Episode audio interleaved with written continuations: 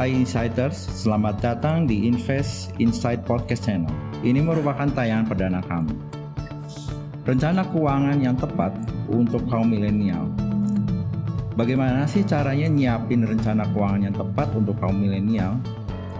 Ini mungkin jadi banyak pertanyaan bagi sebagian besar kaum milenial saat ini dan sebagian besar juga eh, saat ini kaum milenial sudah memulai nyiapin rencana keuangan dan punya pertanyaan seperti di atas. Soalnya, kaum milenial ini sudah memasuki masa kerja, di mana pendapatan tetap setiap bulannya bisa dicapai saat berkarir.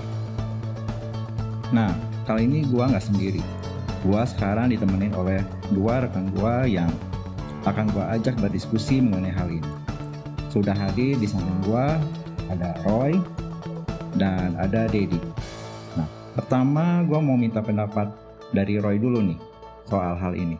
Oke, halo Pak Rudi, halo Pak Dedi. Ya, memang nggak bisa dipungkiri, nggak bisa dipungkiri ya. Memang masa sekarang itu adalah masa kaum milenial ya. Ya, jadi memang harusnya memang kaum milenial udah mulai concern nih mengenai masa depannya sebagian besar kaum milenial pasti saat ini belum punya yang namanya tanggungan yang signifikan ya. Karena rata-rata sih saya rasa sih belum punya rumah tangga. Kita, kita tahu ya kalau udah berumah tangga akan ada tuh tambahan-tambahan biaya lainnya gitu ya. Gitu. Jadi misalnya seperti kalau berumah tangga kan ada eh, ada anak ada biaya sekolah dan lain sebagainya. Tapi itu bukan berarti bahwa eh, kaum milenial itu bisa apa namanya uh, seenaknya aja gitu pakai pendapatan mereka gitu. Hmm. Mereka harus uh, punya planning ya. Saya rasa planning yang nanti akan berimbas pada uh, kondisi finansial mereka di masa depan gitu. Nah, yang namanya planning ya kita tahu lah ya. Kita juga kenal yang namanya financial uh, planning gitu. Jadi kaum milenial ini harus sudah mulai mempersiapkan nih financial planning mereka supaya di depan nanti mereka punya kondisi finansial yang diinginkan gitu. Kita harus ingat loh biaya merit tuh nggak murah lagi gitu. Lagi makin meningkat ya biaya merit. Tambah biaya e, bersalin nanti biaya anak, biaya susu, biaya sekolah dan sebagainya gitu. Itu harus sudah mulai dipikirkan karena kan e, pastinya kaum kaum milenial juga pengen punya keluarga ya pada akhirnya nanti gitu ya. Nah untuk bisa mempersiapkan itu nah kita perlu persiapan dari sekarang gitu kan. Karena kita tahu ya semua apa yang kita lakukan hari ini akan selalu berimbas di masa depan. Jadi menurut gua sih yang pertama tentunya yang namanya planning itu harus punya namanya tujuan ya gitu. Kita tahu ya kalau misalnya apa-apa itu e, tanpa tujuan itu pasti ngaco lah ya nggak ada nggak akan melenceng bisa melenceng gitu. Contohnya aja lah misalnya kita misalnya mau pergi ke mana tapi nggak tahu tujuannya ke mana kan bisa ini ya bisa bingung gitu nantinya. Mau pakai kendaraan apa mau pergi kapan apa yang harus dipersiapkan dan sebagainya gitu. Jadi uh, menurut gue yang harus mulai dilakukan adalah sekarang sudah mulai sadar dulu tujuan finansial di depan itu apa. Nah tujuan itu yang akan membuat kaum milenial ini akan tahu bagaimana caranya untuk mengatur keuangannya hari demi hari. Sehingga nggak nggak terkecoh atau nggak nggak ter, tergoda sama godaan-godaan gitu. Ganti handphone lah atau walaupun belum belum tentu dibutuhkan gitu atau ganti mobil dan sebagainya.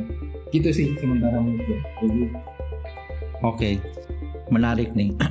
Nah uh, supaya gua tahu tujuan keuangan dan nggak melenceng itu gimana nih caranya nih menarik ya jadi menurut gua sih untuk uh, untuk membuat sebuah tujuan kita harus banyak bikin pertanyaan untuk diri kita sendiri gitu. Sementara kita yang namanya planning itu selalu ada yang namanya uh, jangka waktu ya. Kita bisa planning jangka panjangnya apa sampai mana nanti dari situ kita bisa breakdown ke jangka mana dan kemudian jangka pendeknya bagaimana. Nah eh, tentunya untuk setiap tujuan eh, harus ada deadline-nya gitu. Jadi gini kadang-kadang orang bikin tujuan tuh seperti ini. Saya ingin menjadi orang kaya. Itu tujuan yang bagus cuman masalahnya kapan? Nah gitu kan. Okay. kapan lo kayak kaya? Ya Aha, mungkin benar. nanti kapan setelah usia 80 tahun gitu dan sebagainya. Kita nggak bisa gitu seperti abs, terlalu abstrak gitu ya. Guys tentuin misalnya di usia saya nanti untuk usia sekian saya sudah punya tabungan berapa. Nanti saya harus punya rumah berapa gitu. Nanti apa uh, saya punya usaha apa investasi apa dan sebagainya. Itu sih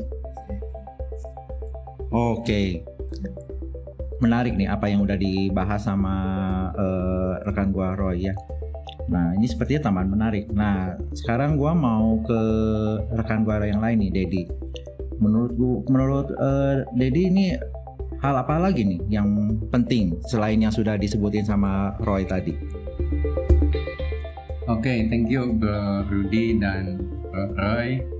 Saya uh, sangat setuju tadi yang Roy bilang, uraiannya bagus sekali itu. Emang di sini penting bagi kita semua bahwa uh, ada hal-hal yang harus kita perhatikan selagi kita masih muda. Juga ada hal yang penting lainnya yaitu upaya untuk hindari dari berhutang. Dan kalau udah berhutang, coba lunasin hutang itu. Jadi eh, masalah ini perlu kita perhatikan untuk menghindari dari berhutang hindari hal-hal yang konsumtif misalkan beli yang sesuatu barang yang tidak diperlukan. Itu kita hindari itu terutama hal-hal yang nggak kita butuhin secara mendesak dan melenceng dari tujuan finansial kita. Dan kalau udah terlanjur kita memiliki hutang coba lakukan hal-hal yang berikut. Mungkin saya berikan uh, option ada dua dua dua dua pilihan begitu ya. Ada atau dua dua uh, dua hal yang harus kita lakukan yang saya dapat berikan. Yang pertama yaitu identifikasi seluruh tagihan atau tunggakan. Coba perinci semua berdasarkan nominal totalnya. Cicilan per bulannya berapa tanggal jatuh temponya kapan dicatat ya dicatat dicatat baik-baik buat juga timeline untuk mencapai zero debt. Kita bisa menggunakan strategi melunasi utang dengan metode debt stacking atau debt snowball. Debt stacking singkatnya merupakan sebuah metode pelunasan hutang yang mengurutkan prioritas berdasarkan bunga dalam melunasi hutang dengan bunga tertinggi hingga yang terendah. Sedangkan kalau debt snowball adalah sebuah metode untuk menyusutkan utang di mana seseorang yang memiliki utang pada beragam sumber mulai membayarnya dari nominal terkecil dengan nominal di atas minimum hingga utang yang lebih besar dengan nominal minimum. Nah, hal yang kedua mungkin ini juga perlu uh, bagi kita semua penting yaitu siapin dana pensiun. Walaupun kita masih muda usia kita mungkin masih 18, 20, 25 masih di bawah 30 tahun kita penting siapin dana sedini mungkin. Walaupun kita baru memasuki dunia karir bukan berarti kita nggak perlu mikirin dana pensiun dari sekarang. Justru waktu terbaik untuk mempersiapkan dana pensiun adalah dari sekarang. Kita bisa nyisihin jumlah tertentu setiap harinya untuk diinvestasikan demi mempersiapkan dana pensiun. Oke, gua setuju nih. Nah, uh, gua sekarang mau balik lagi nih ke rekan gua Roy. Karena gua lihat uh, ada yang mau di Roy Utara ini. Ya kok ya saya mau uh, apa nama sedikit mengingatkan buat uh, kaum milenial. Jadi misalnya anggaplah kita punya kemampuan financial fund itu yang perfect gitu ya bisa sempurna gitu. Semua udah tentuin jangka waktunya dan kemungkinan tercapainya kira-kira mungkin uh, cukup tinggi gitu ya. Tapi jangan lupa harus selalu ingat bahwa selalu ada hal-hal yang tidak bisa kita duga gitu. Kita manusia manusia terbatas banyak hal-hal yang nggak bisa kita prediksi gitu. Contohnya ya tentunya bukan hal seperti misalnya oh tiba-tiba saya pengen beli HP gitu. Itu itu bukan hal tidak terduga itu. Itu mah apa namanya kecelakaan yang direncanakan lah istilahnya begitu ya. Begitu.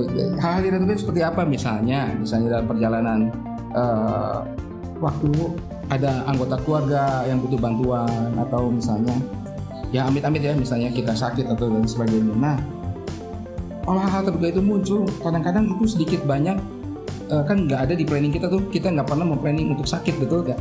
Nggak pernah mau planning untuk sesuatu yang buruk gitu. Kita selalu planning semua hal berjalan lancar. Oleh sebab itu kita perlu yang namanya dana darurat dalam planning itu gitu. Jadi ketika sesuatu itu terjadi uh, kita bisa gunakan dana darurat itu supaya financial planning yang sudah kita bikin itu nggak terlalu terganggu. Itu sih. Oke, jadi nih gue udah bisa simpulin nih dari yang Bro Roy dan Bro Dedi yang udah utarain tadi di awal. Jadi dari tujuan keuangan ini yang perlu gue catat, upayain hindarin berhutang. Dan kalaupun udah memiliki hutang, segera mungkin lunasin. Terus tadi ada juga sempat dibahas disebut uh, siapin dana pensiun. Lalu yang terakhir uh, tentuin dan siapkan dana darurat. Nah, dari yang udah gua simpulin tadi, kira-kira masih apa ada hal apa lagi nih yang penting? Ya, uh, menurut gua, Rudi, ada hal yang penting yang harus kita perhatikan, yaitu literasi keuangan. Apa itu literasi keuangan? Maksudnya pengetahuan kita terhadap hal-hal yang berbau finansial seperti cara menghitung bunga, lalu seluk-beluk hutang, biaya admin, strategi investasi, efek compounding, dan lain-lain.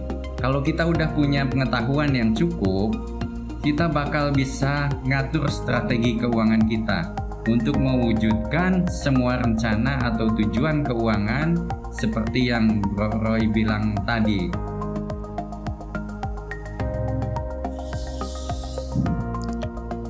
Wah, cukup menarik. Sepertinya pembahasan yang kali ini eh, nggak uh, bisa tuntas nih dalam satu episode. Soalnya tadi Bro Roy sempat nyebut uh, eh sorry bukan Bro Roy ya Bro Dedi just sempat nyebut uh, debt staking ada debt snowball lalu ada istilah efek compounding cara ngitung bunga seluk beluk hutang strategi investasi. Sepertinya uh, topik-topik ini yang bakalan kita bahas nih dalam pada episode-episode berikutnya. Nah kalau mau tahu itu semua yuk kita belajar sama-sama dengan membaca banyak artikel. Nah sekarang nih eh, sebetulnya gampang kalau mau baca. Nggak usah kita ke toko buku beli buku atau apa. Tinggal kita search Google. Tapi ada lagi nih yang mau yang lebih praktis. Kalian bisa tinggal dengerin podcast ini. Invest Insight. Hanya di Spotify. Cukup beberapa kali klik uh, linknya uh, semua pada bisa dengerin nih uh, podcast ini. Pasti kan uh, kaum milenial sekarang banyak udah pakai Spotify kan untuk dengerin lagu. Nah nggak ada salahnya melenceng dikit lah dengerin podcast yang mungkin bisa bermanfaat nih buat kaum milenial. Nah kalau kalian suka tinggal follow kami di Spotify atau bisa juga ke IG kami at invice underscore insight Oke, sampai jumpa di episode berikutnya. See you.